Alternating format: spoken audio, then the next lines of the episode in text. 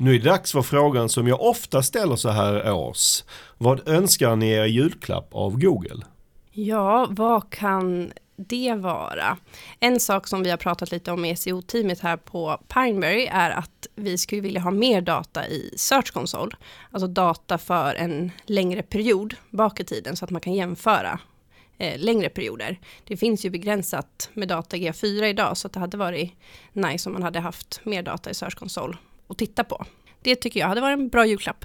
Ja, ja det finns verkligen mycket att plocka ifrån här känner jag. Eh, men eh, en sån här liten önskan som jag har och som vi faktiskt pratade om här, eh, häromdagen det är ju att Google lanserar ju en ny typ av kampanj som heter Demand Gen och jag tror faktiskt att vi pratade om det för några avsnitt sedan. Stämmer bra.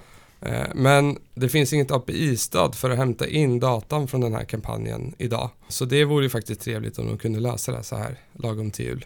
Mm. Måste ändå säga att det var ganska modesta julklappar och det kanske det är inte, de är inte helt osannolika även om jag är långt ifrån säker på att ni kommer få dem. Eh, vår julklapp till er lyssnare, ja det får väl bli detta avsnitt av Sökpodden som kommer nu.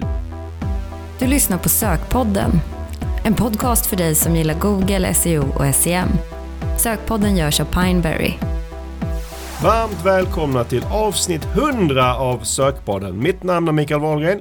Idag har jag nöjt att sitta här med Simon Davidsson. Hallå, hallå. Och Sara Karlsson. Hej, hej. Idag bjuder vi precis som vanligt på tre ämnen. Vi ska prata sökvolym, sen går vi vidare till strategi och mål och så avslutar vi med en SEO-klinik. Hur är läget med er? Jo, men det är bara fint tycker jag. Eh, snart är det jul, så man börjar komma lite i julstämning här tycker jag. Ja, och det är bra med mig också. Jag har legat influensa hela förra veckan, men nu är jag frisk och kry och taggad på att vara med i Sökpodden. Mm, och det är ju avsnitt 100. Det är faktiskt lite eh, sjukt. Ja, det känns som det var nyligen jag gjorde min premiär. Jag tror att det var avsnitt 61. Så det är ganska många avsnitt sen dess och det känns som ganska nyligen.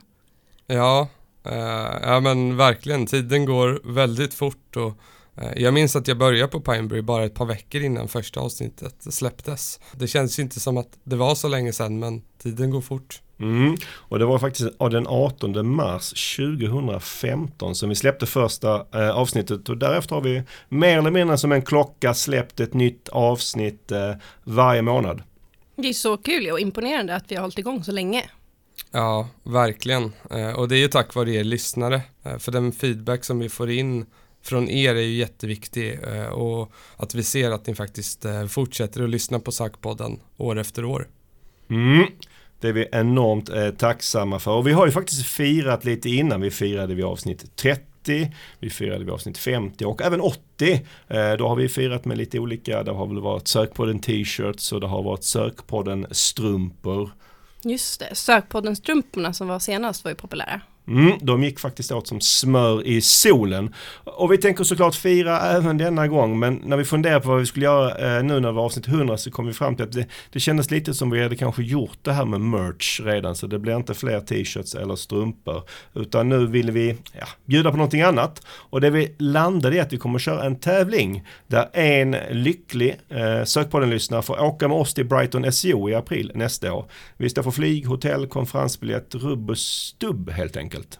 Oj, ja men det är ju inget dåligt pris vi bjuder på den här gången. Nej, vi hoppas att det ska bli väldigt eh, kul. Och för att vara med i tävlingen och ha chansen att, att vinna så går ni in på pineberry.com brighton och där eh, kommer ni få fyra relativt enkla frågor om sökpodden. Eh, och bland ni som är med och tävlar och har rätt på alla fyra eh, frågorna, vilket jag antar kommer vara ganska många, så kommer vi lotta hitta eh, fram en vinnare. Tävlingen stänger den 21 december, så ungefär om en vecka efter det här avsnittet släpps. Så det, man måste vara ganska snabb eh, om man vill ha chans att hänga med till Brighton SEO i vår.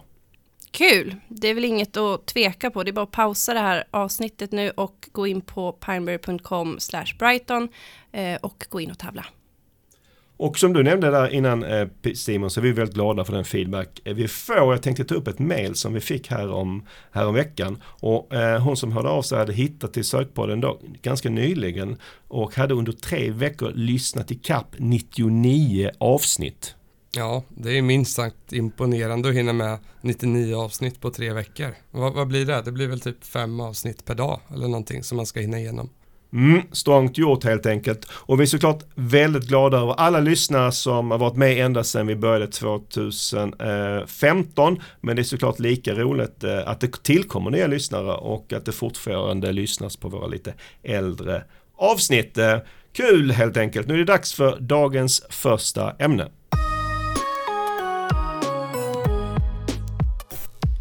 Idag ska vi börja att prata om sökvolym. Var går ni helst när ni ska ha sökvolym på ett sökord? Alltså jag går in eh, i Ahrefs 99% av fallen. Jag har alltid använt det verktyget sedan jag började jobba med SEO och tycker att det finns mycket annan bra data runt omkring ett specifikt sökord också. Jag tycker det är väldigt tydligt att vi har två läger här på Pineberry. Eh, dels de som går via Ahrefs och eh, Eh, exempelvis jag då som använder sökordsplaneraren. Så det är väldigt tydligt uppdelat här. Är det för att du kommer från Google Ads från början och Sara är mer eh, från SEO? Tror du att det är det som avgör? Man kan tänka att det är så, mm. men jag vet också många sämmare som faktiskt väljer Ahrefs före sökordsplaneraren. Mm.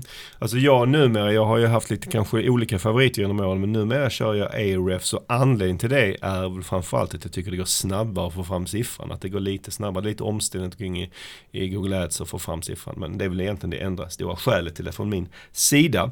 När det gäller eh, sökvolym så finns det ju lite olika källor till datan. Vi har Google som vi pratade om precis. Mm. Och det finns en hel del verktyg som använder sig av just Googles data. Sen finns det andra verktyg som vi också nämnde som Ahrefs som skaffar sin data på andra sätt.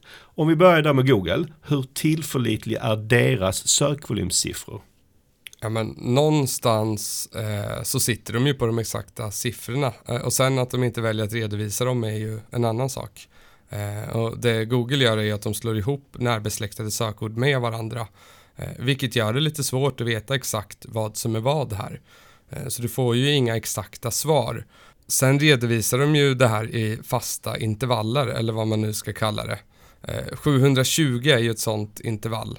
Men du ser nästan aldrig något sökord som har 730 eller 740. Eller 12 100 är väl också sånt här fast intervall som det brukar kunna vara. Ja, det är också en klassiker. Men du hittar inte någon som har 12 200? Nej, exakt. Och, och, varför håller Google på så här att slå ihop sökord och liksom bara redovisa intervaller och kanske inte berätta sanningen fast de vet det? För liksom en utomstående så kanske det känns nästan tramsigt. Ja, det är en väldigt bra fråga faktiskt. Jag har funderat en hel del kring det där själv. Det finns ju säkert någon bra bakomliggande anledning här som gör att de inte vill eller kan visa det exakt så som vi vill se det. Eh, men eh, ja, generellt så handlar det ju såklart om att Google inte tycker det är fördelaktigt för dem eh, att visa den här datan eh, på det sätt som vi vill se den. Ja, att de slår ihop sökord är ju lite som med matchningstyperna i Google Ads. Eh, de vill inte att vi ska tänka enskilda sökord utan istället tänka eh, lite bredare eh, och låta Google avgöra hur saker och ting hänger ihop. Hur ser du på utvecklingen över tid för Google när det gäller sökvolymsdata? Har det blivit bättre eller har det blivit sämre? Ja, men jag skulle säga att det snarare har blivit sämre med åren än tvärtom. Och jag tror att vi också kan utgå från att det kommer bli sämre framöver. Och ja, kanske lite svårare att tyda vad som är vad. Men det här är ju också, går ju lite i linje med vad Google gör med Google Ads i stort skulle jag säga. Mm. Och jag upplever att det är liksom lätt att man blir frustrerad just på Googles sökvolymsdata och att det är kanske lätt att man missförstår den. Ja, och framförallt om de grupperar orden på det här sättet. Och det finns ju andra verktyg som inte gör det eh, och även verktyg som försöker dela upp och själva grupperingen som Google har gjort. Men jag tycker inte att det hjälper så mycket heller. Det blir egentligen gissningar på gissningar bara. Om vi istället kollar på Ahrefs, Sistrix eller Semrush, där finns ju ännu fler verktyg än de tre, men de tre är väl de, några av de tre stora. Var får de sin data ifrån? Ja, men det är oklart. De är väldigt hemlighetsfulla kring det. Och generellt så brukar de väl säga att de har flera olika tillförlitliga källor till sökvolym. Men de skriver i princip aldrig exakt vilka det är. Mm, jag kommer ihåg för massa år sedan, jag kanske har nämnt det här i sökpodden, jag kommer inte riktigt ihåg. Så försökte jag få Ahrefs att berätta mer om var de får sin data ifrån. Eh, men det gick inte, det var liksom bara eh, massa goddag och yxskaft svar tillbaka. Eh, och eh, på något sätt är det ju en dåligt bevarad hemlighet eh, att en viktig datakälla för de här verktygen är Clickstream-data. Kanske den enda källan, det är lite oklart, de ofta skriver de att de har flera källor, men, men jag misstänker att det kanske bara är Clickstream-data. Varför är de inte öppna med var de får datan ifrån? Men det här är väl ändå lite känsligt skulle jag säga, så det finns ju anledningar till det. Eh, det har ju varit ett antal skandaler kring hur Clickstream-data samlats in utan användarens eh, tillstånd. Eh, så jag antar att de vill slippa frågor om det här helt enkelt. Och sen kan det såklart även vara så att de inte vill berätta för att de helt enkelt tycker att de sitter på den bästa datakvaliteten. Mm. På tal om det, bästa datakvaliteten. vem har bäst data? Är det Google eller är det något av verktygen som Sistrix eller Ahrefs? Men det beror väl lite på vem du frågar som sagt eh, och vilket läger eh, man står i. Eh, men ja, jag har exempelvis sett en undersökning som Ahrefs gjort och så får man väl ta ställning till liksom hur, hur sann den är. De undersökte hur väl deras data stämde med data från Google Search Console och de gjorde samma undersökning då mellan Keyword Planner och Search Console. Och vad kom de fram till? Ja men att eh, Ahrefs gav ett hyfsat rätt svar 61% av fallen medan Keyword Planner bara gav ett korrekt svar i 45% av fallen. Eh, och sen kan det ju tilläggas att Ahrefs grovt överestimerar i 37% av fallen och Google i 54% av fallen. Men sen ser man också att Ahrefs grovt underestimerar i bara 2% av fallen och Google i mindre än 1% av fallen. Det är lite intressant att det verkar vara en generell överdrivning av sökvolymerna från båda verktygen. Även om det eh, kanske inte är jätteförvånande för det finns ju liksom ingen anledning för dem att underdriva volymerna men jag kan se lite skäl till varför de kanske skulle överdriva dem. Ja, exakt. De kanske tjänar mer på att överdriva än att underdriva många gånger. Sen ska man kanske säga att eh, ja, facit i den här undersökningen, det vill säga Google Search Console, inte heller är en absolut sanning eh, eftersom att det här eh, också är samplad data. Så man får ju ta undersökningen för vad den är här. Om jag fattar varför ARF vill visa att de är bättre än Keyword Planner med den här undersökningen. Men för mig visar det nästan mest att ingen av dem är speciellt bra. Att ha rätt i 61 procent av fallen är inte jätteimponerande, eller? Nej, det känner inte jag heller. Och liksom på Nej. något sätt visar den här undersökningen mer för mig att man verkligen ska ta sökvolymsdata med en stor nypa salt. För att eh, den visar ju på att ja, ungefär i vårt annat fall så är vi hyfsat rätt på det. Mm. Och nästan i vårt annat fall så överdriver vi enormt. Mm, verkligen, och jag tror det är ganska lätt att gå bort sig här, att man ofta ser det som en sanning. Eh, när man kanske borde liksom eh, ta lite lättare på det än vad man gör i vissa fall. Mer som en hänvisning. Ja precis, så du menar Simon om det står att det är 210 sökningar på ett sökord så ska man inte ta det som en absolut sanning. Exakt. Men med tanke på detta att sökvolymsdatan kanske då inte är så precis som vi vill, gör det att man ska strunta i att kolla på den eller hur ser ni på det? Som vi har varit inne på så är det ju frustrerande att man inte kan få exakt data och det finns säkert fall där felaktigheterna i data kan ställa till det. Men i praktiken så spelar det kanske inte så jättestor roll. För mig som marknadsförare så spelar det oftast ingen roll om ett sökord har 6000 eller 9000 sökningar eh, på ett sökord per månad. Det viktiga för mig är ju mer att eh, jag vet att det är relativt många och har det som en hänvisning som jag var inne på. Ja, och sen kan du väl också säga lite om hur stora sökorden är i relation till varandra också. Även om de absoluta talen inte är korrekta. Ja, men exakt, verkligen. Ja, där får man hoppas att de gör lika mycket fel på alla sökord så det relativt blir, blir rätt ändå. Ja. Ja, och sen såklart om man ska göra en prognos baserat på sökvolym, ja, då behöver du såklart förstå att det är en grov prognos med tanke på vilken data du stoppar in här. Många av de här eh, sökvolymsverktygen har ju, som du var, jag tror du var inne på det lite så, de har lite annan data kring själva volymen. Bland annat har de det som de har någon form av svårighetsparameter till sökordet. Hur svårt det är att synas på det. Använder ni er av just det här? Nej, alltså jag använder det typ aldrig. Gör du Simon? Nej, alltså jag vet inte, men jag kan ofta tycka att det är eh, liksom ganska givet många gånger. Alltså så. om du tar ett lite större, bredare sökning så är den ju eh, liksom många gånger eh, Eh, också mer konkurrens på och svårare att synas på. Så det är ofta, jag tycker liksom utfallen av det där är ofta nästan ganska självskrivna. Det är sällan man blir särskilt förvånad när man tittar på den typen av parameter. Och sen tycker jag kanske att det är mycket mer relevant att titta på andra parametrar då beroende på vad anledningen till min research är än just den här parametern. Jag håller med och jag upplever faktiskt att den är ganska, jag kan tycka att den är ganska fel ibland. Att jag upplever att den säger att vissa sökord är svåra som jag inte kanske upplever är så eller tvärtom. Och jag tycker som du är inne på Simon att man oftast efter ett tag kan liksom känna direkt på sökordet. Är det ett sökord som man förstår, det här kan leda till konverteringar, det här finns hög sökvolym, ja då kan man utgå från att det är ganska hög eh, mm. konkurrens. Mm. Eh, oavsett vad det står i verktygen. Mm. Finns det förresten en optimal sökvolym för sökord? Och då tänker jag liksom att, ja, för då har du riktigt stora sökord som kanske är också dessutom väldigt konverterande, då kan det ju vara svårt att synas på dem. Men finns det liksom en sweet spot när man tänker just volym? Nej, det gör det ju egentligen inte. Allt beror på hur stark sajt du har och vilka resurser du har att röra dig med, tänker jag. Ja, men exakt. Det handlar ju mycket om vilka förutsättningar du har, vad du vill uppnå, i vilket syfte du gör den här researchen. Om det är ett eh ja, men om det är ett SEM-syfte exempelvis, du vill skapa kanske eh, specifika kampanjer mot specifika sökningar, ja men då eh, eh kanske man vill, eh, inte vill ha för små sökord heller. Liksom. så, för att, för att liksom, beroende på bransch. Mm. Så att eh, jag tänker att det är helt situationsbaserat. Mm. Innan vi rundar av det här ämnet så ska vi köra en kort liten grej här som jag vet att ni har varit lite nervösa inför, eller hur? Ja. För jag har ju förvarnat er att vi ska köra ett väldigt kort sökvolymsquiz här. Eh, det är ju någonting som vi här på Primary tycker är väldigt kul. Jag senast på Black Friday så gjorde vi det. Då hade vi 40 olika sökord som man skulle gissa volym på. Om jag kommer ihåg rätt så vann Adam. Snyggt eh, jobbat Adam. Eh, och nu ska jag köra ett miniquiz här. Men bara ett enda sökord så det liksom gäller att prestera direkt. Hur, hur känner ni inför det? Alltså jag är ju nervös, på ja, riktigt. Ja, men nu, nu blir det ju nervöst faktiskt. Det mm. måste jag säga.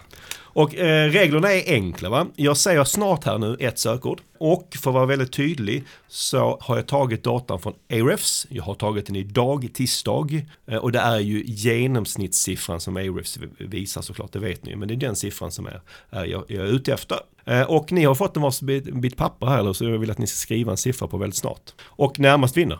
Mm. Mm. Spännande. Låt oss. Så min fråga till er är, hur många är det som varje månad enligt Ahrefs i Sverige googlar på ordet trillingnöt? Nu ser jag att ni tänker febrilt här. Är ni klara? Mm, ja. Jag tänker det måste ju dras upp eh, ganska mycket så här års i alla fall. Mm, det är lite därför jag poängterar det här med att det är snittsiffran jag är ute efter. Ja. Men Simon du får börja, vad har du skrivit på din lapp? Ja, men jag gick nog lite högt här kände jag, men jag satte 4 500. 4 500, ja. vad säger du Sara? Jag gick ju nästan dubbelt upp. Om du tyckte det där var högt. Jag skrev 7000. Mm. Ni båda är lite optimistiska så att säga. Eh, enligt ARFs, men det kan ju vara att de har fel. Eh, men de brukar ju inte underdriva utan de brukar överdriva har vi lärt oss. Men rätt svar är 2000 200. Mm. Jag tänkte att det var många som bakade och ville göra egen trilling där, typ. Att det var ett receptsök. Mm. Vad tänkte du? Nej, jag vet inte vad jag tänkte faktiskt. eh, jag, eh, ja, jag vet inte. Jag gick bara på känsla här. Tack för era gissningar. Jag vet själv hur svårt det är att gissa rätt på det här. Där sätter vi punkt för sökvolym och går vidare till dagens nästa ämne. Nu ska vi prata strategi och mål, vilket sannolikt är aktuellt för många av våra lyssnare så här års. Ja, men verkligen. Eh, det är säkert många nu som sitter och brottas med affärsplaner, marknadsplaner, eh, man sitter med sina kanalstrategier och man sitter med sina budgetar inte minst eh, nu inför 2024. Men det är ingen slump att vi tar upp det här ämnet nu när du är med Simon va? Det är ju ett, ditt typ av ämne. Ja, men det är ju ett lite bredare ämne på sätt och vis, även om det går in i alla, liksom, eh, eller i princip alla kanaler man arbetar med. Eh, men, eh, eller i allt man gör på en marknadsavdelning egentligen. Men jag triggas ju lite av de här lite bredare frågeställningarna för att de ofta är ganska utmanande. Då tycker jag också det är väldigt kul att sitta med dem. Och det finns ju sällan ett svar på mycket av det här utan det handlar ju oftast om resonemang och antaganden i grund och botten. Eh, sen tycker jag ju också det här med mål och strategi är otroligt viktigt och avgörande för att man faktiskt ska lyckas med sin marknadsföring. Samtidigt som det då är väldigt svårt och många sitter och faktiskt tycker att det här är lite jobbigt och lite knepigt. Får man inte det här på plats, vilket inte alla får, eh, så kan ju också resultaten bli lidande för det går ju ut över eh, ens arbete skulle jag säga. Därför känns det ju bra att vi kan ge det här ämnet lite mer plats, exempelvis här på Sökpodden. Verkligen, och eh, en kanalstrategi eh, bygger ju på en marknadsstrategi som i sin tur bygger på en företagsstrategi. Och det är liksom många delar här som ska hänga ihop och fungera. Vad eh, upplever du är svårast att få ihop när det gäller strategin? Ja, men liksom, nästan alla har ju någon typ av företagsmål som man ofta byggt upp kring tillväxt och lönsamhet kanske och sen behöver man kanske värdera de två mot varandra löpande eh, liksom vad är viktigast i olika situationer. Eh, och sen har man ju någon typ av affärsidé eller tanke kring hur man eh, tänkt sälja in sina produkter eller sina tjänster. Eh, men när det gäller de här marknadsdelarna av strategin eller sin marknadsplanen så upplever jag oftast att det saknas konkreta och tydliga mål och också rimliga mål. Så jag skulle nog ändå säga att det är det absolut vanligaste problemet. Eh, och är det så att du inte har målet klart för dig, då vet man ju inte heller hur man ska staka ut vägen för att nå målet. Det är där någonstans det här med marknads eller kanalstrategin kommer in. För att om inte målet är tillräckligt utstakat och det inte finns den här strategin för hur du ska nå dit, då kommer inte ditt arbete eh, som du sen gör hänga ihop med vart du ska någonstans. Och det du är inne på här är någonting vi har tagit upp i andra ämnen här i sökpodden. Att det är ganska många företag som vi upplever då i alla fall när det gäller marknadsföring. Har svårt att sätta exakta mål eller sätta mål överhuvudtaget. Hur ska man då som marknadsförare tackla där? Har du några tips? Ja men precis, det blir ju ofta en stor tröskel som man ska över upplever jag och det blir nästan jobbigt ibland att ta beslut och jag tror en del i det är att man väldigt ofta jagar perfektion. Det vill säga man försöker kanske landa eh, på kronan rätt när man sitter och gör sina beräkningar eh, och sina antaganden. Eh, och det är ju väldigt svårt Eh, att göra det. Eh, exempel på varför det är svårt är ju kanske för att du är ett bolag där du har flera typer av tjänster. De här tjänsterna kanske är värda olika mycket, olika lönsamma. Eh, och sen så har du kanske flera olika konverteringspunkter på sajten som du spårar. De här konverteringspunkterna i sig kanske konverterar olika bra eller mot olika tjänster. Eh, och sen har du kanske ett konsentbortfall, ett datatapp någonstans på vägen. Eh, du behöver förstå ungefär hur stort det är och så behöver du göra antaganden och besluta kring din attribution och så vidare. Och så här kan ju vi hålla på hur länge som helst nästan och problematisera.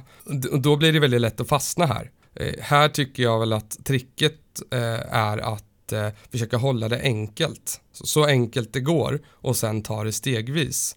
Eh, så exempelvis istället kanske, och det här är ju något som, som vi inte sällan gör heller när vi pratar med våra kunder, att man kanske kan istället för att liksom få ut hela den här beräkningen direkt så kanske man kan vända lite på det och nästan provocera lite och börja från ett annat håll. Att man liksom simulerar ett utfall. Eh, exempelvis om, om vi har spenderat 50 000 på Google Ads Eh, Eh, den här månaden och vi har fått det här resultatet. Hade du varit nöjd med det då? Och då, där någonstans kan man ju börja ta ställning till någonting. För det är ofta lättare att ta ställning till något än att räkna ut något. Och på det sättet kan man börja lirka fram det här eh, målet lite grann och sen liksom ta beslut och sen ta det stegvis liksom. Eh, och så jobba mot eh, att komma så nära sanningen som möjligt på sikt. Och det är inte så heller att det bara är mål som kan saknas när man ska då, eh, genomföra sin marknadsföring. Utan eh, det kan ju vara andra förutsättningar som påverkar hur du ska till exempel göra med din annonsering som saknas. Hur kan man försöka fånga upp och få till det i sin strategi? Ja, men de här förutsättningarna är ju avgörande många gånger. De är ju så otroligt viktiga. Och det, vi brukar ofta prata om att det finns externa förutsättningar, det vill säga de du inte själv kan styra fullt ut. En coronapandemi eller vad dina konkurrenter gör. Eh, och sen så finns det ju interna eh, förutsättningar som är kopplade mer mot din egen verksamhet. Ja, men exempelvis kanske vilken marknadsbudget du har eller eh, hur du arbetar internt eh, kring dina produkter eller tjänster. Här blir det ju väldigt viktigt att identifiera de här interna förutsättningarna. Och hur skulle du då säga att man identifierar de här sakerna? Ja, ehm, ett sätt som man skulle kunna göra det på är ju att man problematiserar lite grann. Det är kanske lite här också det här med erfarenhet kan komma in i bilden. Eh, om man har jobbat ett tag med marknadsföring att det är lite lättare att göra det här. Eh, men jag upplever i alla fall att eh, liksom, om man jobbat ett tag och kanske jobbat med olika typer av bolag så lär man sig också kanske lite vilka utmaningar som olika typer av bolag sitter med eh, och lite vad, kanske vart man ska börja gräva och vart man ska börja leta efter de här och kartlägga de här utmaningarna som man ser. Sen är ju tanken att strategin ska ju vara liksom lösningen på många av de här utmaningarna som, som man har framför sig.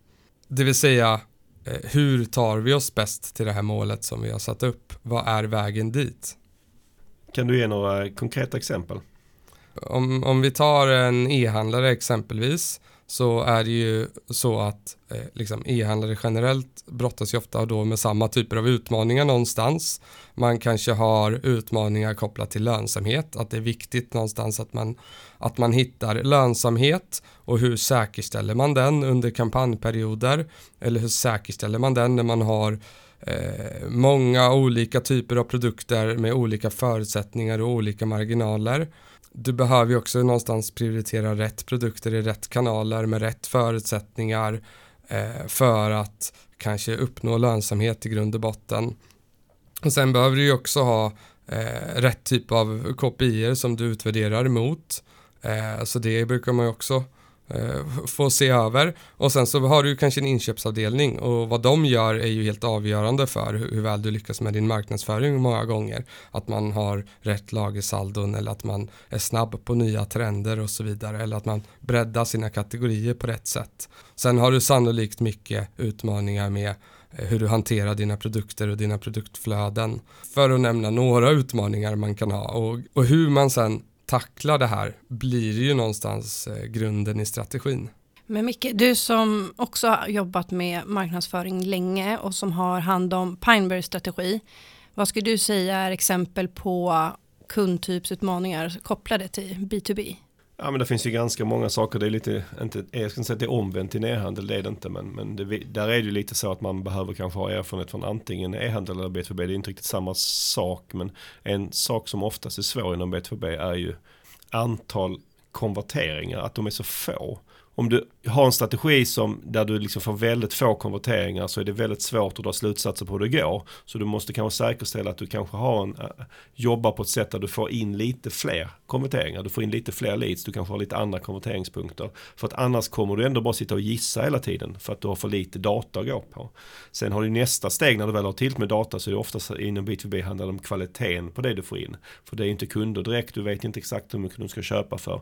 Det gör det komplext och så är det långa köpcykler. Så där måste du också ha mer data och förståelse för vad det är ännu svårare att räkna ut kanske vad en, vad en kund är värd och vad du kan betala för det.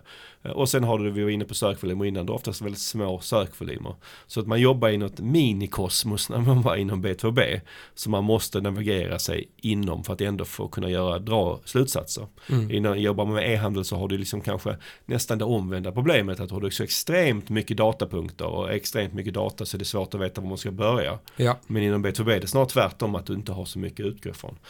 Eh, nej men så eh, om vi ska försöka summera frågan så eh, försöka identifiera förutsättningarna på flera plan men ett sätt kan ju som sagt då vara att liksom börja lite i ens, ens verksamhet och vilka utmaningar man generellt stöter på och eh, hur man behöver tackla de här inom ramen för sin marknadsföring helt enkelt.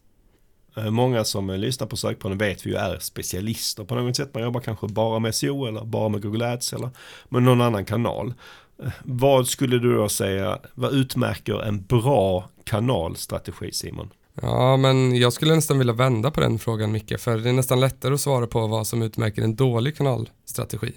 Eh, och en dålig kanalstrategi i min värld i alla fall är ju om det är Eh, om det är så att du kanske använder kanalen lite i fel syften, att du inte riktigt har förstått dig på kanalen eller om det är väldigt oklart vad du faktiskt eh, ska göra day to day i hur du agerar inom en viss kanal. Exempelvis hur du sköter ett annonskonto eller hur du arbetar med din SEO-optimering. Eller så skulle ju det också kunna vara om du inte kan svara på varför du agerar på ett visst sätt eller varför du tar vissa beslut.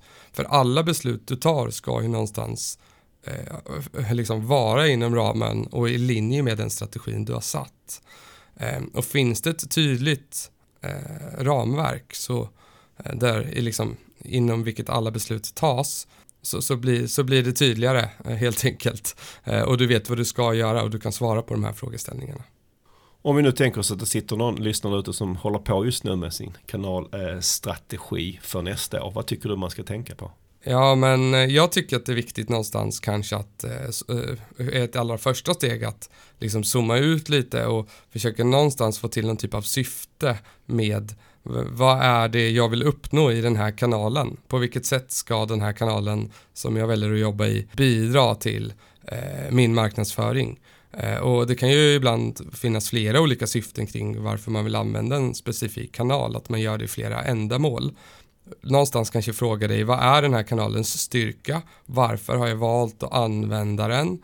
Eh, och också kanske vilken effekt kan det ge till fler kanaler? För att alla kanaler någonstans är ju en del av en kundresa. Eh, och sen när man har zoomat ut lite så, så bör man ju också fundera då på hur kanalmålsättningen är hur ska vi uppnå det här målet givet de här förutsättningarna vi har? Eh, och forma den här kanalstrategin utifrån det. Eh, och där var vi inne lite på hur man skulle kunna tänka. Eh, och sen är det också viktigt att tänka på att det är någonstans marknadsföring vi håller på med. Det behöver ju också, tycker jag, finnas ett lager eller ett utrymme av att använda sig av antaganden och hypoteser. För oftast så formar vi ju de här, den här kanalstrategin innan vi liksom har alla svar. Eh, och då är det viktigt att vi, eh, för att vi hela tiden ska utveckla vår strategi och utmana oss själva, att, att det liksom finns lite utrymme för det i den här kanalstrategin. Mm. när vi pratar kanalstrategi så brukar vi också prata om, eh, man kan ju bryta ner det ännu mer till, till delmål eller eh, delstrategier. Vad, vad är för dig liksom konkreta exempel på delstrategier inom en kanal? Ja, nej men eh, det, kan, det kan bli lite liksom komplext här kanske, men eh, en kanal kan ju ha ett samlat kanalmål, eh, det vill säga vad, vad vill du få ut av den här kanalen i helhet? Men sen kan ju också kanalen som vi sa ha flera syften kring varför du väljer att använda kanalen och olika delar av kanalen kanske bör utvärderas på olika sätt. Därmed så kanske du också bör ha olika typer av strategier i den här, inom den här kanalen eh, som jobbar mot enskilda mål inom kanalen. Men sen kanske allt det här någonstans leder upp till något samlat kanalmål. Eh, och tar vi då Google Ads som exempel kanske det är naturligt att man har en, eh, ett mål för hur man ska försvara sitt eget varumärke och en strategi för det. Eh, så man kanske jobbar med visningsandel exempelvis. Jag, menar, jag vill all, behöver alltid synas på mitt eget varumärke för att försvara det. Eh, jag väljer att utvärdera det på det här sättet och det här är min strategi för att göra det. Och sen kan man ju ha andra, en annan, ett annat mål för hur man jobbar med sitt generiska sök till exempel eller hur man väljer att jobba med YouTube eh, och strategier för det. Så det var ett sånt exempel. Mm. Jag kan bjuda på ett annat exempel här också från Google Ads för oss själva på Pineberry. Vi såklart delar upp det också, har ett ett mål för vårt eget varumärke men vi har också delat upp det i liksom eh, sökningar som vi tror kommer att generera leads. Det är liksom vår huvud, kan man säga huvudsyfte med Google Ads.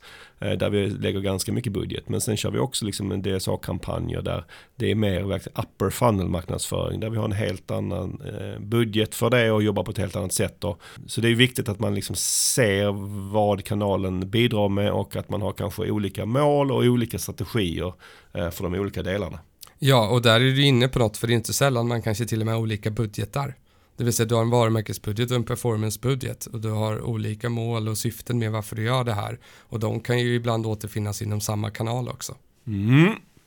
Eh, nu när man eh, sätter sina strategier för 2024, är det något speciellt Simon som du tycker man ska tänka på? Ja, men vi lever ju i en ganska osäker tid just nu Eh, Eh, så eh, det kan ju finnas flera saker som man bör fundera över. Det kan ju vara så att det är ganska många nu som har kanske gått från att ha en ganska aggressiv tillväxtstrategi till att kanske ha ett större lönsamhetsfokus. Eh, och man kanske har fått svänga ganska kraftigt i sin strategi senaste året och man kanske heller inte har hittat helt rätt. Så där kanske det finns utrymme att, att liksom se över och justera ganska mycket. Eh, och sen är det ju många förutsättningar också då som har förändrats utifrån det här ekonomiska läget eh, som behöver reflekteras på olika sätt i strategin och i målsättningarna. Eh, och en sån enkel sak kan ju vara det här med inflation. Det kan ju vara ganska lätt att glömma bort just inflationen. Men det påverkar ju faktiskt också din marknadsföring och dina marknadsföringsmål. Eh, för det kan ju vara så att du kanske behöver justera din CPA-nivå Eh, för att eh, kundvärdet också någonstans är justerat. Då behöver man ju ta höjd för det och se över det, kanske i samband med att man sitter och planerar för nästa år. Eh, och sen tycker jag att det är viktigt att aldrig fastna i det här business as usual. Självklart ska man ju ta saker, liksom återanvända saker som funkar i sin strategi, men man behöver ju alltid tycker jag liksom se över och utmana strategin och anpassa den till den, de eh, förutsättningarna som finns och de målen man har satt upp internt. Mm. Det var en bra avslutning, tack för det Simon. Där lämnar vi strategi och mål för idag och går vidare till dagens sista ämne. Nu är det dags för vårt eh, 300 ämne under våra då 100 avsnitt. Och vad passar då bättre än att vi kör vårt sannolikt mest populära ämne, det vill säga en SEO-klinik. Ja men det är väl alltid kul med lite clinics. Ja, verkligen. Och det är många av er som eh, har hört av sig och vill ju vara med, vilket är väl kul. Och vi kommer bara hinna med att gå igenom tre sajter idag, så ni som inte kommer med den här gången, ni kommer kanske med eh, nästa gång i en framtida klinik, för det här är absolut inte sista gången vi kör. Eh, och vi försöker ju alltid välja lite olika sajter, så det, det har vi gjort även idag, så det blir förhoppningsvis lite intressant att lyssna på oavsett om man jobbar på kanske en e-handel eller på en myndighet. Eh, och det är den trettonde kliniken vi gör nu. Eh, så att jag tänker att vi hoppar över hur vi praktiskt genomför våra clinics. Och är det er första klinik ni lyssnar på så får ni eh, gå tillbaka till något tidigare avsnitt och lyssna där vi då går igenom det mer detalj hur vi, hur vi gör helt enkelt. Ja, men vi kanske ändå bara ska säga att vi enbart har lagt en begränsad tid på varje sajt eh, och har garanterat inte hittat allting som är viktigt. Eh, vi fokuserar, fokuserar på det som går att förbättra och vi tar inte upp det som redan är bra. Det är ett bra eh, förtydligande Sara. Och vill också tillägga att vi tar inte upp allt vi hittar utan vi kanske tar upp det som är mest intressant att prata om och försöker kanske hålla det till ja, fyra, fem saker per sajt. Först ut idag har vi en myndighetssajt, närmare bestämt en skånsk kommun. Det är skurup.se, den är inskickad av Leif Liam. Tack för det. Vad har vi eh, hittat här Sara? Vi har hittat en ganska stor grej. Det är en stor grej som överskuggar allt annat skulle jag säga. Eh, jag såg att de i mitten av oktober har tappat från ungefär 2 index i Sistrix till 0,5. Alltså det vill säga att den organiska synligheten har minskat med ungefär 75 procent. Wow, det är ju ett eh, ganska stort tapp. Vad är det som har hänt? När det är så här stora tapp eh, för den här typen av sajter så handlar det nästan alltid om att man har gjort en stor förändring på sajten eller att man har lanserat en ny sajt och så är det i det här fallet också.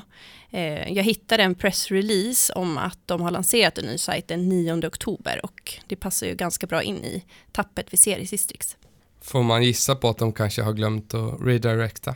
Japp, det är helt rätt. Eh, det finns en ny URL-struktur Eh, och vad jag kan se så är väldigt lite ompekat. Det är några av skolsidorna som ompekade, men annars så är eh, de flesta gamla urellerna 404-sidor just nu. Sen så ser det ut som att eh, vissa sidor är helt borttagna och det finns liksom inte några nya eh, motsvarande sidor på nya sajten. Mm, det här är inte sådär kanske jättekul. Eh, går det att rädda det här tappet eller är det, är det för sent? En del går säkert att rädda genom att man fixar de här eh, redirectsen, även om det nog blir svårt att kortsiktigt komma helt tillbaka. Eh, sen är det såklart kanske lite krångligt att fixa eh, redirects i efterhand, men eh, man vet kanske inte vad, vad de andra URLerna har varit till exempel. Men det går ju att ta reda på och lösa och garanterat, eh, jag skulle säga att det är garanterat värt ansträngningen SEO-mässigt. Mm. Tror du eh, Skurup är medveten om att det har hänt efter deras lansering? Jag vet inte, men trafiken från Google lär ju ha gått ner eh, ganska enormt och jag gissar att en del användare har klagat på att gamla länkar inte funkar längre. Eh, så man kan ju hoppas att de har, har märkt av det själva. Och det borde ha blivit många 404 i loggfilerna. Mm. Det är tyvärr inte ovanligt att det här händer när man lanserar en ny sajt. Eh, vi hade ju migreringar som ämne i avsnitt 59 om någon vill eh, djupdyka just det här. Ja, det är tyvärr vanligt och det är trist eh, när det är så mycket synlighet som går förlorad. Mm. Om vi nu släpper den här eh, redirects-problematiken och kollar på den nya sajten som lanserades. Har vi någonting, eh, hittat någonting där? Ja, det finns några saker som vi har noterat, men jag vill vara tydlig med att det är inget som kommer kunna kompensera det här tappet som eh, de har gjort vid lanseringen. Eh, det är alltså eh, mindre saker i sammanhanget. Men ett, en sak som vi har sett är att ungefär 35% av titlarna är korta och man utnyttjar inte möjligheterna som finns här genom att använda hela utrymmet. Till exempel eh, sidan för äldreomsorg där titeln är äldre och så bindestreck Skurups kommun. Här går ju eh, både att få in sekundära sökord och göra den mer klickvänlig. Ett annat lite roligt exempel på korta titlar är startsidan där titeln är Skurups kommun bindestreck Skurups kommun. Och det nämns säkert två gånger för att alla titlar automatiskt slutar med Skurups kommun. Men det hade ju varit mer relevant att ha med en slogan för Skurup eller något annat säljande om kommunen. På tal om slogan så äh, känner ni kanske inte igen det här men jag som är från Skåne äh, kände igen deras slogan som jag, jag faktiskt såg att de har kvar på sajten. Som är så här When in Europe don't miss Skurup. Äh, ehm, jag vet inte om det är den man ska ha in på, på startsidan kanske men jag såg också att de skrev någonting om att eh, Skurup är platsen för det goda livet vid sydkusten. Det är liksom den typen av saker man skulle kunna passa på att ha med i titeln för att Skurup lär ju vara deras vanligaste sökord och då vill man kanske sälja in det på något sätt. Eh, exakt hur kan man ju kanske, är de säkerligen bäst på att eh, välja ut själv men, men det finns ju en, en marknadsföringsyta som är gratis som man då inte utnyttjar eh, maximalt idag helt enkelt. Exakt. Sen vet jag att eh, du hade någonting om Canonicals. Ja, deras Canonicals är relativa och inte absoluta. Och vår rekommendation är att de ska vara absoluta. Varför är det så viktigt att de är absoluta? Till exempel om eh, vi säger att innehållet skulle bli scrapat eh, och hamnar på en annan domän så är det viktigt att de är absoluta. Mm. Eh, strukturerad data, har de det? Vad jag kan se så använder de inte det alls och det är såklart en möjlighet att börja använda det. Även om en kommunsajt kanske inte har lika mycket att vinna på det som en e-handlare. Jag tycker generellt att eh, deras nya sajt ser helt okej okay ut SEO-mässigt. Det är bara synd att man inte fick med sig den här synligheten vid migreringen. Mm. Och en sak som vi brukar när vi tittar på sajterna så tittar vi såklart på tekniken och innehållet men vi tittar också på länkar till sajten, externa länkar. Hur ser det ut eh, för Skurup där? Kommunsajter har ofta lyxen att organiskt få många och bra länkar. Samtidigt brukar de inte vara så bra på att ta hand om den här länkkraften. Ehm, det är många länkar som kanske pekar till sidor som är 404. Och i det här fallet när man precis har lanserat en ny sajt där väldigt lite är ompekat så är det en stor grej såklart. Jag såg att det fanns externa länkar till ungefär runt 200 ureller eh, på Skurup där sidan svarar med eh, 404. Och där går ju länkkraften helt förlorad. Eh, så det finns som sagt eh, flera olika anledningar till att fixa redirectsen och eh, om man ska prioritera så börja med de sidorna som har externa länkar till sig. Mm, tack för det Sara och där lämnar vi Skurup för idag och går vidare till nästa sajt som är dedicatedbrand.com. Den är inskickad av Kalle, tack för det. Det här är då en e-handel för kläder. Vad har vi där? Jag ska börja med att vi eh, ser att de har bra synlighet på vissa ganska nischade sökord som till exempel randiga t-shirts och man ser att de medvetet har skapat eh, de här landningssidorna för en hel del nischade sökningar som eh, matchar deras produkter. Och det är väldigt bra och jag skulle försöka göra det här ännu mer. Ehm, det går garanterat att hitta fler nischade sökord utifrån det här, deras sortiment och skapa liksom nischade sidor. Och till exempel så ser jag att de inte har gjort samma sak på tyska, eh, på den tyska varianten av sajten. Så där finns det potential eh, att även utöka den här strategin även där. De här landningssidorna som du var inne på där de har då kanske nischade, finns det någonting som eh, du skulle vilja förbättra på dem? Ja, det finns alltid någonting att förbättra. Men en sak jag noterade är att de har ganska lite brödtext på de här sidorna. Det finns runt 150 till 200 ord ungefär, där eh, mer än hälften verkar vara samma text som ligger i många av brödtexterna på kategorisidorna. Så här hade jag testat att utöka den här texten och eh, göra den mer unik per sida samtidigt. Eh, hade du något mer innehållsmässigt på din lista? Eh, ja, eh, det var en sak till jag tänkte på. Många av deras produkter har engelska namn som inte täcker in något tydligt sökbeteende på, på svenska. Till exempel så har de en tröja som heter Sweater Mora Mountain Line Ombre Blue. Väldigt långt eh, engelskt namn på den produkten. Och jag menar inte att man bara ska tänka SEO när man döper produkter. Men går man in på sidan så ser man att produkttexten för den här tröjan är stickad rundhalsad tröja i ekologisk bomull.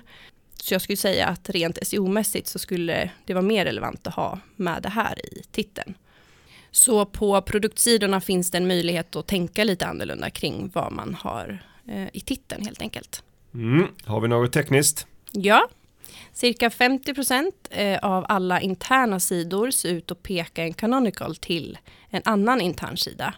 Och det ser ut som att det främst beror på att många produkter ligger i flera olika kategorier och i flera fall eh, i tre eller ännu fler kategorier vad jag har sett. Och även om det är bra att det finns canonical så är det ju ännu bättre om problemet inte uppstår från början. Så att man inte har så många duplicerade sidor. Och sen så ser jag även kedjor av canonicals ibland. Att man har en sida som pekar till sida 2 och sen så pekar den i sin tur till sida 3. Och det tyder ju på att man inte har bestämt sig för vilken sida som är originalet. Har man tre identiska sidor så borde två av de här vara kopior av en, alltså originalet. Mm. Och det är faktiskt en, en liten eh, ovanlig sak att det brukar vara så att man eh, canonicals i kedjor är inte så ofta jag stöter på. Men jag så, noterade även här också att man pekade från 1 till 2 till 3. Och då blir det också lite förvirrat för Google för, för att förstå vilken som är originalet helt enkelt. Ja, exakt. Så jag hade dels ett över uppsättning av canonicals och försökt hitta en teknisk lösning på hur man kan komma runt där så att så många duplicerade sidor inte behöver skapas. Men eh, hur ser det ut med länkar till sajten då? Ser det bra ut? Ja, men det tycker jag. De har runt eh, ungefär 750 referring domains pekade till sin sajt, vilket är bra skulle jag säga. Eh, sen så går det alltid att få fler länkar och bättre länkar. Och de har ju många samarbeten med olika kreatörer och när jag snabbt har eh, tittat så ser det inte ut som att många av de här länkar till dem. Så det hade ju varit ett område där man eh, skulle kunna undersöka om det går att få fler länkar för att få, alltså de flesta kreatörer vill säkert länka till dem och så blir det en win-win tänker jag. Mm. Eh, innan vi lämnar Dedicated Brand och går vidare till eh, sista sajten i vår klinik så vill jag bara nämna att eh, den t-shirten jag har på mig idag är från Dedicated Brand. Mm -hmm. Och jag vill också vara tydlig med att det är, eh, vi, den var köpt innan vi bestämde att de skulle vara med. Eh, så att det är inte därför egentligen jag har den på mig. Och jag har faktiskt ett par, köpt ett par t-shirts till tidigare avsnitt därifrån. Så att det är en, de har bra grejer helt enkelt. Sökte du använde du söket för att hitta den här t-shirten eller gick du medvetet in jag gick medvetet in för jag har ju som sagt köpt ett par t-shirts där innan Mm. så jag vet att de, de eh, efter, som många av er lyssnare vet så har jag oftast i de flesta avsnitt en ny t-shirt och efter 99 avsnitt så börjar det bli, det blir svårare och svårare att hitta nya t-shirts men Dedicated Brand där har varit ett, ett, ett, ett säkert eh, ställe för att hitta i alla fall några av dem jag har haft under de här nu 100 Tänk om avsnitten. du hade använt något av de här nischade kategorisöken som de har skapat sidor för. För att hitta den här t-shirten. Men då har du inte gjort det. Nej, det har jag sättet. inte, Nej. inte. Jag kom in eh, via brand helt enkelt. Mm.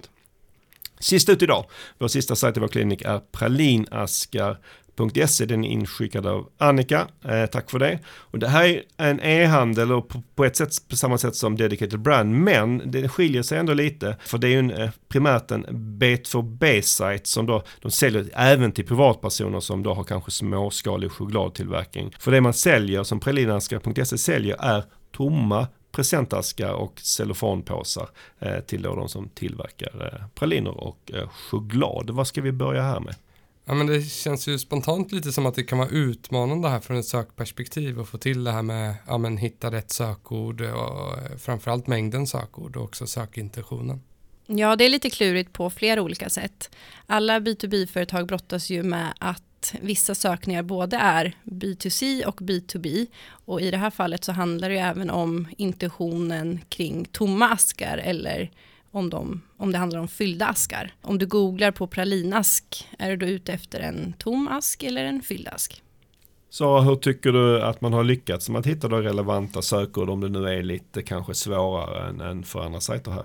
Ja, men relativt bra. Det finns sidor för väldigt specifika sökningar som till exempel gröna pralinaskar. Sen undrar jag lite varför man inte har optimerat för chokladaskar. Visst, många som googlar är ute efter en fylld ask, men det är sannolikt ganska många även av de som googlar efter pralinaskar. Eh, och sökvolymen är 25 gånger högre på chokladask jämfört med pralinask. Så det hade ju varit intressant att testa. Sen kan det vara så att eh, Annika har testat just chokladask på Google Ads och vet att det inte konverterar lika bra. Men ja, det är en tanke i alla fall. Så jag hade nog gått igenom alla kategorier och produkter och säkerställt att jag har hittat rätt sökord. Ett annat exempel är billiga pralinaskar där man har en sida om budgetaskar men som inte är optimerat för billiga pralinaskar. Förvisso rankar man bra med startsidan på billiga pralinaskar men eh, budgetsidan är nog mer relevant tycker jag. Mm. Jag gillar ju verkligen nischade sajter som den här. Eh, men det är såklart svårt då att skapa mycket trafik eh, från Google med tanke på att det rör sig om då eh, inte så många sökord kanske och ganska små sökvolymer. Kan man liksom göra någonting åt det här? En sak jag hade funderat på om det var min egen sajt är att testa gå bredare. Och då tänker jag på bra och inspirerande innehåll kring chokladtillverkning. Visst inte exakt vad man erbjuder, men de som tillverkar choklad, privat eller eh, som B2B, är ju ens potentiella kunder på sikt. Så att eh, det får stärka varumärket i så fall. Mm, och där kan vi ju dra parallellt till hur vi har gjort på Pineberry. Där har vi ju skrivit ganska brett innehåll under, eh, vad är det nu, 16-17 år. Eh, och vi vet ju att det innehållet inte genererar direkta kunder till oss. Alltså när någon kanske googlar på, vad kan det vara, robots.txt eller någonting. Det är inte så att vi erbjuder tjänster bara just för robots.txt utan det är liksom saker runt omkring. Eh, så att om man har möjlighet, om man tror att det långsiktigt kan bygga ens förtroende och inom, eh, inom den branschen som man agerar så är det liksom ett, ett, ett, ett bra sätt att, att bredda möjligheten till trafik när man då jobbar inom ett snävt segment annars. Mm, exakt. Har du något om själva innehållet? Ja, eh, även här så är texten på kategorisidorna väldigt korta. Eh, oftast eh, bara ett par meningar. Och jag fattar att det inte kan eh, vara jätteenkelt att skriva massor om eh, den här typen av produkter. Men det går. Så försök få med vanliga frågor eh, som du kanske vet att kunderna brukar fråga om just de här kategorin och produkterna i kategorin. Och börja med de viktigaste kategorierna här. Och jag var tydlig med att eh, det inte handlar om att ha brödtexter på tusentals ord. Eh, och det finns ingen exakt siffra här att satsa på, men jag hade som sagt eh, siktat på längre texter och, som tydligt tar upp vanliga frågor kring produkterna i den här kategorin. Mm. Sen antar jag att du har något om titlarna. Ja, det har man väl alltid med tanke på hur viktiga titlarna är. Och eh, många titlar här är bra, eh, men vissa kan optimeras. Eh, till exempel så har de en kategori som heter strukturlock, där titeln bara är strukturlock och sajtens namn, som jag vet inte riktigt, eh, jag vet inte riktigt sökbeteendet här och vad, vad det eh, svarar på. Svårt eh, att veta exakt hur, mm, alltså vad man skulle ändra det till, men eh, som jag förstår så är strukturlocken tjockare och mer exklusiva. Så då kanske jag hade skrivit tjocka och exklusiva lock till pralinaskar till exempel. Det kanske inte är jättestort sökbeteende på tjocka pralinaskar heller, men det är i alla fall eh, någonting mer än bara strukturlock. Så jag hade jobbat igenom titlarna och tittat på vad det finns för potential där. Hur har vi det med länkar till sajten? Det finns inte så många, 40 referring domains vad jag kan se. Och de som finns är inte heller så bra. Men eh, ganska väntat för den här typen av sajt, tänker jag. Det är inte som Skurup eh, som får grymma länkar av sig själv. Ja, livet är inte alltid rättvist. Alla har ju inte samma förutsättningar. Nej, exakt. Det här får man ju kämpa lite mer för att få sina länkar. Hur hade du tänkt här om du skulle börja försöka skaffa ännu mer länkar till den här sajten? Jo, men det är väl det gamla vanliga. Börja med dina relationer, ska jag säga. Och i det här fallet så tänker jag på eh, leverantörer, kunder, eventuella partners man har. Eh, det kanske finns lokala företag på samma ort och så vidare. Så eh, alla som man vet har en sajt och där man har någon typ av relation skulle jag gå och prata med eller kontakta för att se om de kan vilja länka till den. Sen var det faktiskt så att Annika hade några specifika frågor till oss om internationalisering.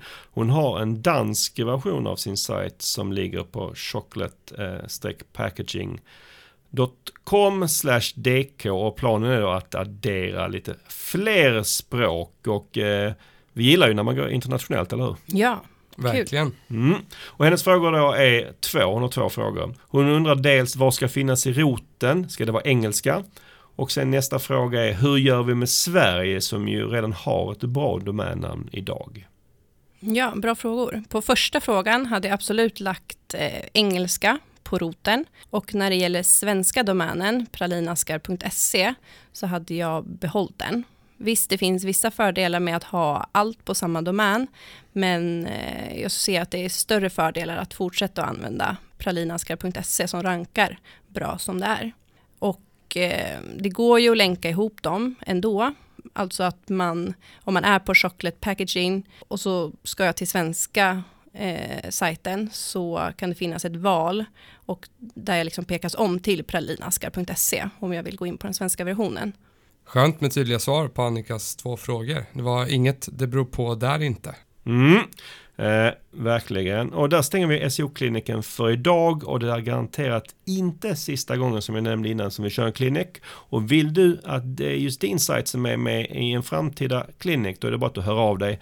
Eh, och med det så är det dags att avrunda vårt hundrade avsnitt. Glöm inte att gå in på pineberry.com brighton och tävla om en resa till Brighton SEO. Det ska bli väldigt kul att få åka dit med någon av er. Vi vill även tipsa om att vi just nu söker en senior SEM-konsult. Är det du och du känner att det vore kul att jobba med oss här på Pineberry, gå gärna in på jobb.pineberry.com och ansök. Ja, in och sök. Mm. Har du tankar eller feedback eh, på dagens avsnitt så når du oss som vanligt på sokpodden at pineberry.com. Ett stort, stort tack för att ni hängt med oss i 100 avsnitt och vi hoppas såklart att ni hänger med oss i många avsnitt till. Nu önskar vi alla våra kära lyssnare en fin julledighet. Ta hand om dig så hörs vi igen på andra sidan nyår. Tack och hej. Och god jul.